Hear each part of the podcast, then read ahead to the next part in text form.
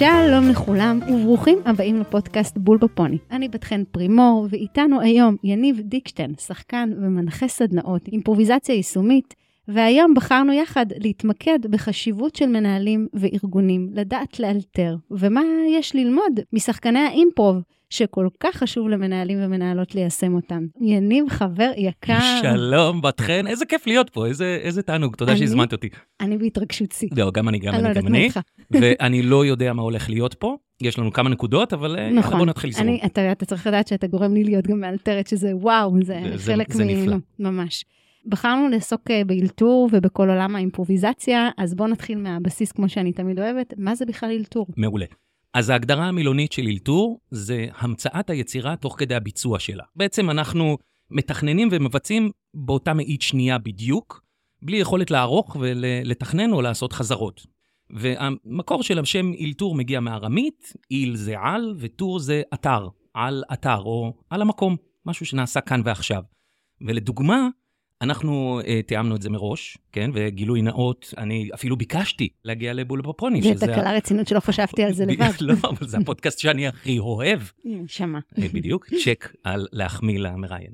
דמייני עכשיו שהכנו את הכל ויש לנו שאלות ותשובות ואנחנו באים ערוכים ופתאום נעלם הטקסט. ואין לנו את השאלות ואין לנו את התשובות והכל פתאום אה, אנחנו צריכים אה, לה, להמציא את עצמנו. יש לנו את העקרונות כי תיאמנו מראש, נכון. ועכשיו אולי הסיטואציה הזאת תגרום לקצת חוסר נוחות, אולי חוסר שליטה, אולי קצת חרדה אפילו. מצד שני, אולי אנחנו נעלה כל מיני דברים מקוריים, אולי השיחה תלך למקום קצת פחות מובנה, אבל אולי יצירתי, וזה בדיוק אלתור. זה היכולת של קבוצה או אנסמבל לעבוד ביחד, לספר איזשהו סיפור משותף לאיזה מטרה או תכלית, ולהצליח גם לספר סיפור שיישמע הגיוני ונפלא ומצחיק ומרגש, וגם לכתוב אותו תוך כדי תנועה.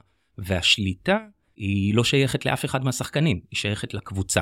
זה בעיניי מדהים, ממש. וכשזה עובד, אי אפשר לזייף את זה. זאת אומרת, אתה נכון. רואה אימפרוב ואתה אומר, וואו, איך הם עושים את זה, ושם מתחיל קסם. זה פשוט קסם נפלא. יצא לי לראות כמה וכמה פעמים אה, את הדינמיקה המדהימה הזאת, וזה באמת מעניין מה שאתה אומר, כי כשמסתכלים על מופע אימפרוב מהצד, אנחנו נוטים באמת להתפעל מהשחקנים עצמם, ומזריזות המחשבה והתגובה שלהם, ואתה בעצם מעביר לנו את הפוקוס, או חלק ממנו, דווקא לעבר הדינמיקה של הצוות ולתקשורת בין אה, חברי הצוות, שהיא חלק מרכזי במה שמניע בעצם את העלילה.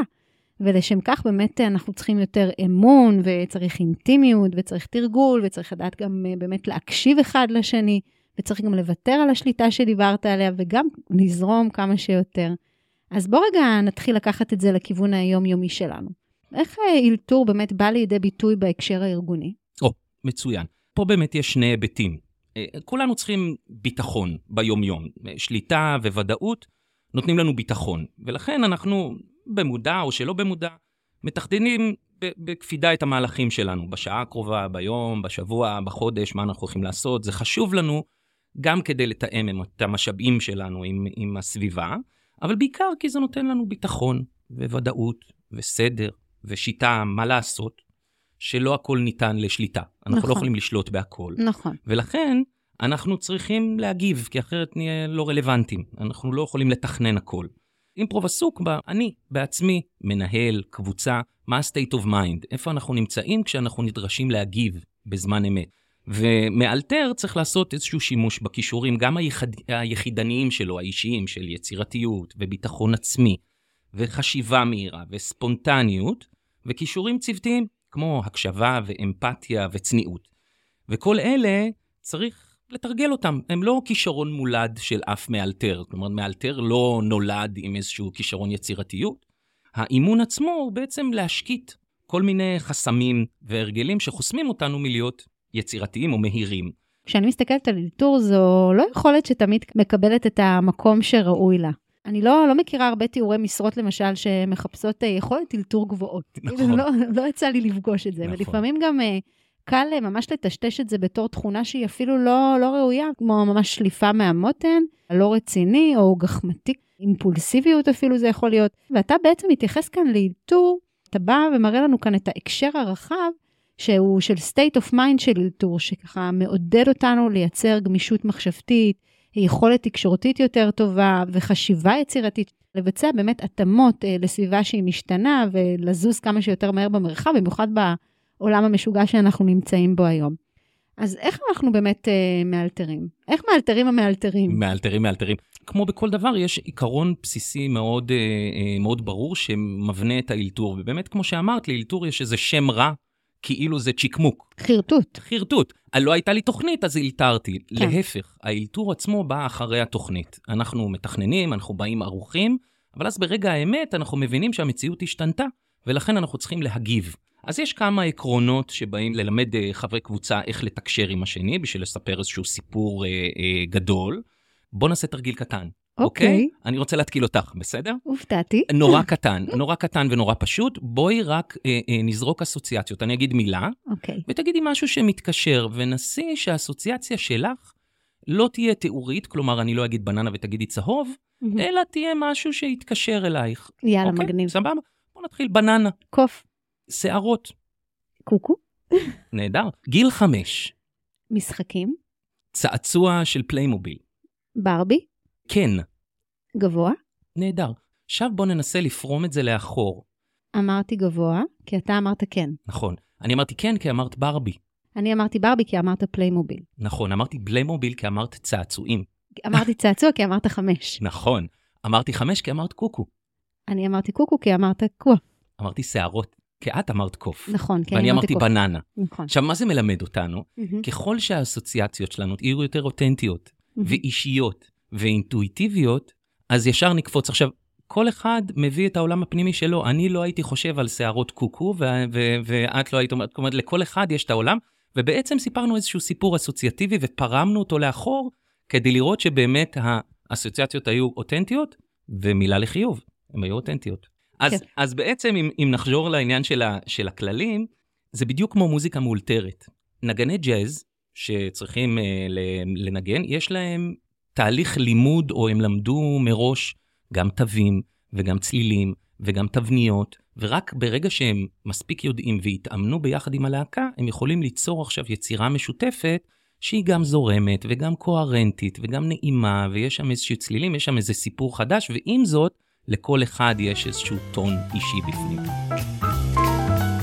יצא לי לקרוא מאמר לא מזמן שבאמת משתמש באותה אנלוגיה שלפיה עבודת הניהול היא ממש משולה לקבוצת אה, נגני ג'אז. מה שכל כך יפה שם זה שכל נגן מספק לנגן האחר איזושהי משענת או מסגרת של משמעות שבתוכה הוא בעצם יכול לבטא את, ה, את עצמו הרבה יותר uh, טוב מכפי שהוא היה יכול לבטא את עצמו לבד, וזה מראה על חיבוריות מאוד uh, יפה שהם עושים שם.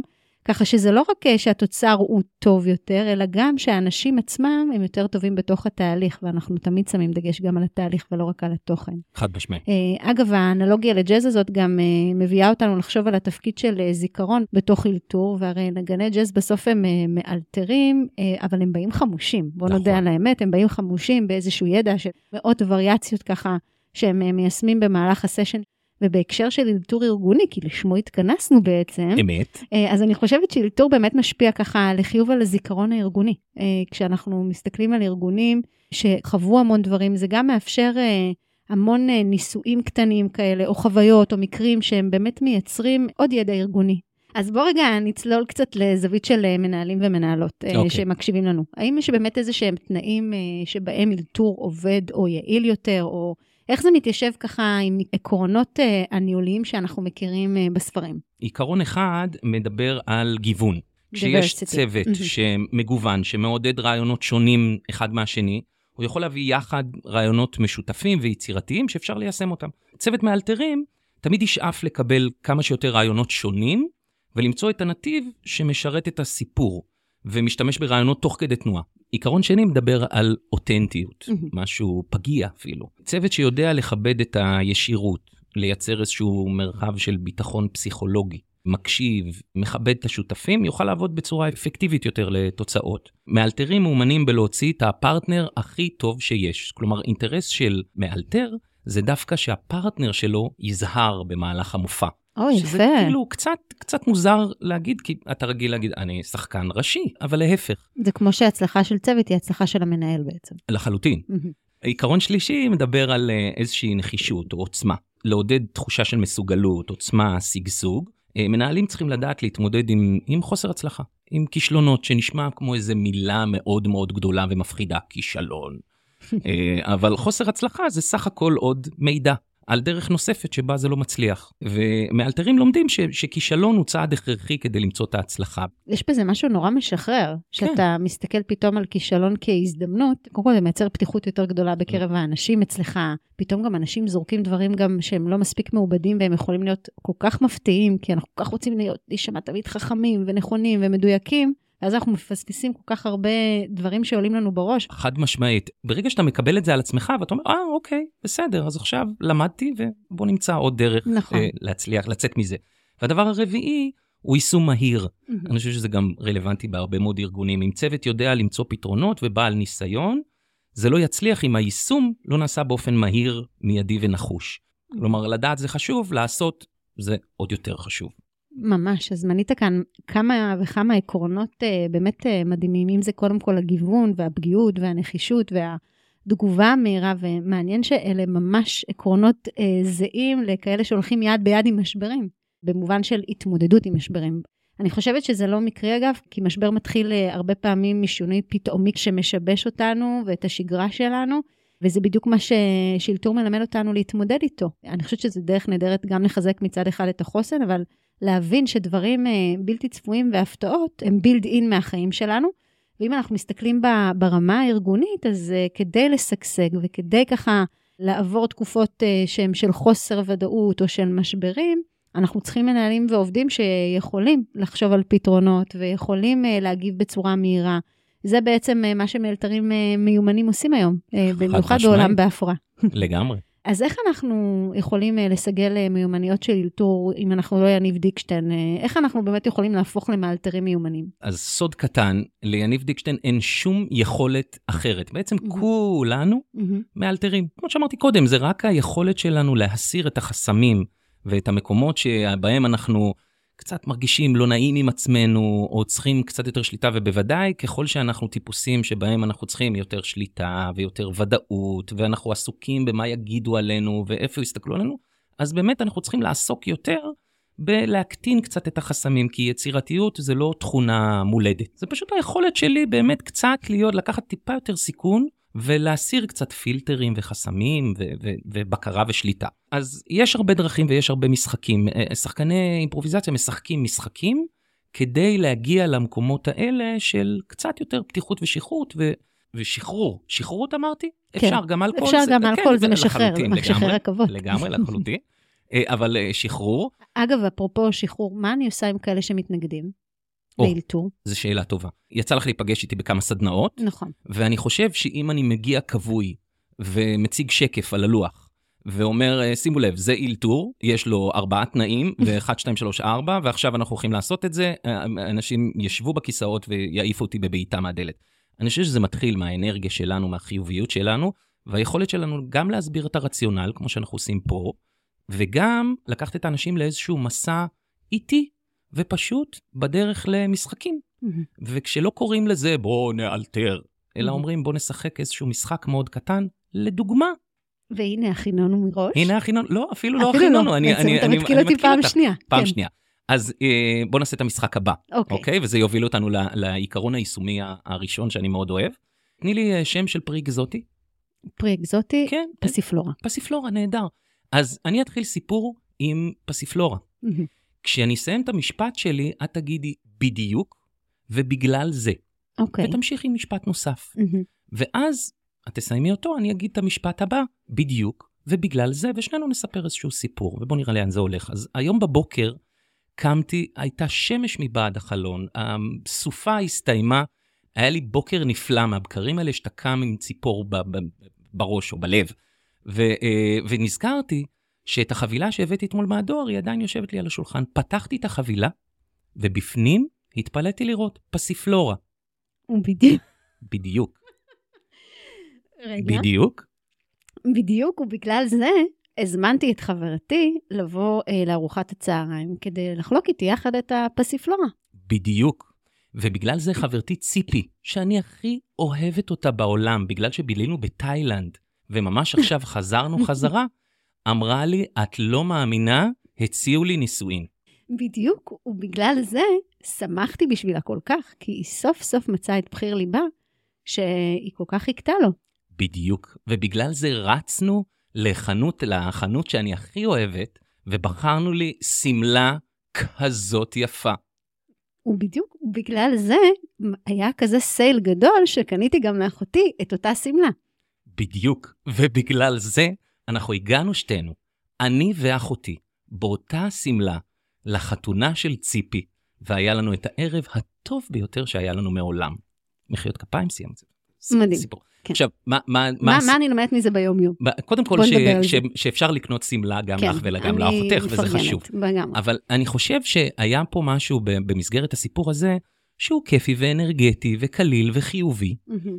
וסיפרנו את הסיפור הזה באופן חסר שליטה לחלוטין, כי אנחנו התחלנו בכלל מפסיפלורה והגענו לשתי שמלות בחתונה של החברה הטובה ביותר שחזר מתאילנד. אין לאף אחד מאיתנו שליטה על הסיפור, ואני חושב שאם הייתי מבקש ממך, בת חן, ספרי לי סיפור על פסיפלורה, לא היינו מגיעים לסיפור הזה. מהמם. זאת אומרת, האנרגיה המשותפת של שנינו, היכולת שלנו להביא כל אחד רעיון ולבנות על זה, יצר איזשהו סיפור אנרגטי, חיובי, יצירתי, אולי גם מקורי ושונה, וזה העיקרון כן ו. עיקרון של כן ו מדבר על זה שאני לוקח משהו מהפרטנר ובונה עליו. עכשיו, יש לנו נטייה כולנו להגיד לא, או נכון. אפילו נטייה יותר שכיחה להגיד כן, אבל... ולפעמים בישיבה אפשר רגע לעצור ישיבה, להגיד, תשמעו, עשינו עד עכשיו שיחה בכן אבל, והגענו לסטגנציה בתקשורת, לא הגענו להרבה מקומות. בואו נעשה כלל, ונדבר בכן ו. ואז יעלה רעיון, וכן ו, וכן ו, וכן ו, ויעלו שלל רעיונות. מה שאנחנו נעשה בסוף, נסנן את הרעיונות הבלתי ישימים. אבל את המסננת שמנו בסוף, לא בהתחלה. כשאנחנו אומרים כן אבל, המסננת הייתה, הייתה, ישר על ההתחלה, ובעצם יכול להיות שרעיונות טובים שהיינו יכולים להתחבר אליהם, סיננו אותם ישר בהתחלה. מסמסנו אותם, כן. בדיוק, וכן ומייצר שני דברים, רעיונות ואיזושהי אנרגיה ואקלים, לגמרי. שמאפשר ליצירתיות לפרוח. העיקרון השני מדבר על לשים את האגו בצד. עכשיו זה נשמע כזה מין ניו אייג', מין אה, שנטי בנטי כזה, אבל, אבל הוא, הוא מאוד, הוא מאוד אה, יישומי. אימפרוב הוא ספורט, ספורט קבוצתי. ובעולם האלתור, מאלתר מצוין זה אחד שתמיד יוציא את הפרטנר שלו טוב ויתמוך בו בכל מצב. וכדי ללמוד את העיקרון הזה, סימולציות זה כלי נהדר. אוי, אני אוהבת סימולציות. בדיוק, אז הרבה פעמים אנחנו נמנעים מזה, כי מה עכשיו אנחנו נעשה, ו... אבל דווקא לקחת עכשיו במעבדה, סיטואציה מחיי היום-יום, או דילמה, או בעיה, ונהפוך בין השותפים. אני אף פעם לא רוצה להיות במקום שאני באמת. אני אחליף את uh, נעליך. ועכשיו נעשה איזשהו כלי של סימולציה ונשחק בינינו, נוכל אחר כך תחת עיני המעבדה הרבה יותר בקלות לבחון את זה בצורה אובייקטיבית וחסרת אמוציות, ולתרגל סיטואציות יומיומיות, או דילמות, או קשיים, ו- ולבחון את זה מהצד. וכשאנחנו משחקים, אז פתאום אנחנו רואים בעיות סטטוס, ואנחנו רואים קשיים רגשיים, ואנחנו יכולים להסיר את זה החוצה ולפתור בעיה עניינית. אני מאוד אוהבת סימולציות, אני חושבת שסימולציות זה בכלל כלי מקצועי אה, מאוד מאוד טוב. הוא באמת מאפשר לנו גם להפעיל את הדמיון, וגם, כמו שאמרת, להתבונן אה, על עצמנו ועל מי שנמצא לצידנו, ובמקרה הזה על הארגון עצמו, ובעיקר על המציאות שאנחנו נמצאים ו- ופועלים בה, או שבכוונה שלנו לפעול בה, אם אנחנו מדברים על משהו שאנחנו רוצים, ומתוך ההתנסות הפעילה הזאת, ככה אנחנו באמת יכולים אה, לחוש את הדברים, לגעת בהם, ולמשל, כאילו להתייחס להרגלים שהם טבועים בנו, ואנחנו בדרך כלל לא רוצים לשים אותם על השולחן, אבל במקרה מעבדה, כמו שתיארת כאן, אה, זה מצוין, או על איזה שהם דפוסי אה, חשיבה או פעולה שלנו, ולאופן שבו אנחנו אפילו מקבלים החלטות ביום-יום שלנו. לחלוטין. כאילו העניין של ההחלטות פה זה תופס מקום, וגם אה, לאיזה שהן בעיות, שהן בעיות קשות, שהן ככה זקוקים למענה. ואני חושבת שמה שיפה בסימולציה ממש, זה שהיא באמת מדמה איזושהי מציאות, אבל היא מוסיפה לנו כאן איזשהו מימד חשיבה אה, ופעולה. כי המתבונן בסוף שמסתכל על זה, הוא גם מסתכל על הצרכים שלו וגם על הצרכים והאתגר הארגוני שנמצאים בתוך כזה, גם בעבר וגם בהווה וגם בעתיד. כאילו זה נותן לו איזשהו פריוויו מסוים כזה.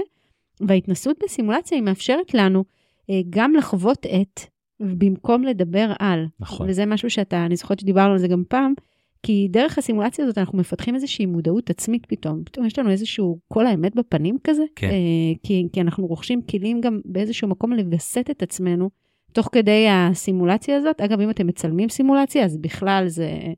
אה, זהב. זהב גדול. לגמרי. כי הסימולציה הזאת, המטרה שלה בסוף היא לדמות את החיים האמיתיים מצד אחד, והיא באמת נותנת לאנשים אה, שמשתתפים בה הזדמנות אה, לשים את עצמם בנעליים של האחר, וגם אה, לחוות תהליכים שהם הרבה יותר אמפתיים, שאני תמיד בעד הסיפור הזה. ואנחנו עוברים לעיקרון השלישי. לחלוטין. ספר לנו. והעיקרון השלישי אולי אפילו הוא קצת מאתגר אותנו בתור מנהלים, כי העיקרון אומר שלרוב אתה מצליח יותר כשאתה יוצא ממרחב הנוחות שלך. אוי, ו... או, זה קצת מפחיד. כן. ובעיקר כשאנחנו לחוצים ועצבניים, בדיוק כזה, וחסרי מנוחה, אנחנו מתאמצים להגיד את הדבר הכי מקורי וחכם, בעצם זה לא יוצא לנו, כי מאמץ ויצירתיות לא הולכת ביחד. Mm. ולפעמים צריך לייצר את אותו אקלים שאומר, אה, אוקיי, יש משהו חיובי, יש משהו כיפי, ועכשיו אני יכול לדבר. וכדי לעשות את זה, לפעמים קצת צריך לצאת מהמרחב אה, נוחות ומהסביבה הבטוחה. שאתה אומר גם אה, אזור הנוחות זה גם מה- מתחושת המבוכה למשל? לחלוטין, מהמם. לחלוטין. לפעמים אני מרגיש אה, תחת תחושה שאני לא יכול להגיד אה, דברים שאולי יישמעו קצת טיפשיים או מביכים, כי בעצם זה יגיד שאני טיפש או נכון. מביך. נכון. צריך לעבור את השלב הזה. נכון, ואם אני מייצר אקלים, אז פתאום יהיה מותר לי להגיד משהו שיישמע אולי טיפשי, אבל זה בסדר, כי האווירה היא טיפשית, אז מותר לי להגיד. אני חייבת להודות שיניב מגיע להרבה סדנאות והרבה מפגשים שאני פותחת איתם כל אה, מפגש של פיתוח צוות או לפתח חשיבה ולתת אה, היכרות יותר מעמיקה. וזה פשוט מדהים לראות אה, איך האנשים מתחילים, וכולם סקפטיים וביישנים. קפוצים כאלה. קפוצים כאלה. ומתעצבנים מה את עושה, ואז פתאום האגו בצד, כמו שאמרת, וטיפה קצת הרוח השטות, מספיק הראשון שככה נותן את האומץ בתוך הקבוצה, וזה פשוט אפקט הדומינו, וזה פשוט שעה וחצי שהיא מרוממת נפש. אני תמיד נזכר בתור, בתור ילדה, בטח אה, אה, את זוכרת איזשהו זיכרון שהיית בגן, ונניח אה, מישהו אה, היה ניגש אלייך מאחורה ואומר, תגידי, את רוצה לשחק איתי? והיית אומרת, אה, כן, ותוך שנייה אנחנו בעולם של נסיכות ונסיכים ואבירים, ועכשיו אם מישהו היה ניגש וטופח לך על השכם, ואת ביום-יום שלך, ואת מסתובבת ואומר, תגידי, את רוצה לשחק איתי? זה היה נשמע. קריפי לחלוטין. כאילו, נכון. לצורך איזה תכלית, למה? מה החוקים? מה אתה איזה- צריך ממני? מה אתה צריך ממני? מה, מה, איך מנצחים? נכון. ואנחנו קצת שכחנו שלפעמים לשחק מביא פשוט כיף, פשוט חיבור. ממש. ואנחנו צריכים לשחק יותר. וארגונים שיש בהם יותר הומור, הם ארגונים יותר מאושרים, ואנשים משמעית. יותר מרגישים מחוברים, והכל ביחד, זה אפקט אה, מצטבר. חד משמעית. אז היה לי פגישה מאולתרת נהדרת, הוצאת. אותי מאזור הנוחות, ותודה רבה, יניב תודה היקר. רבה שהזמנת אותי. אין עליך. ביי להתראות. ביי ביי.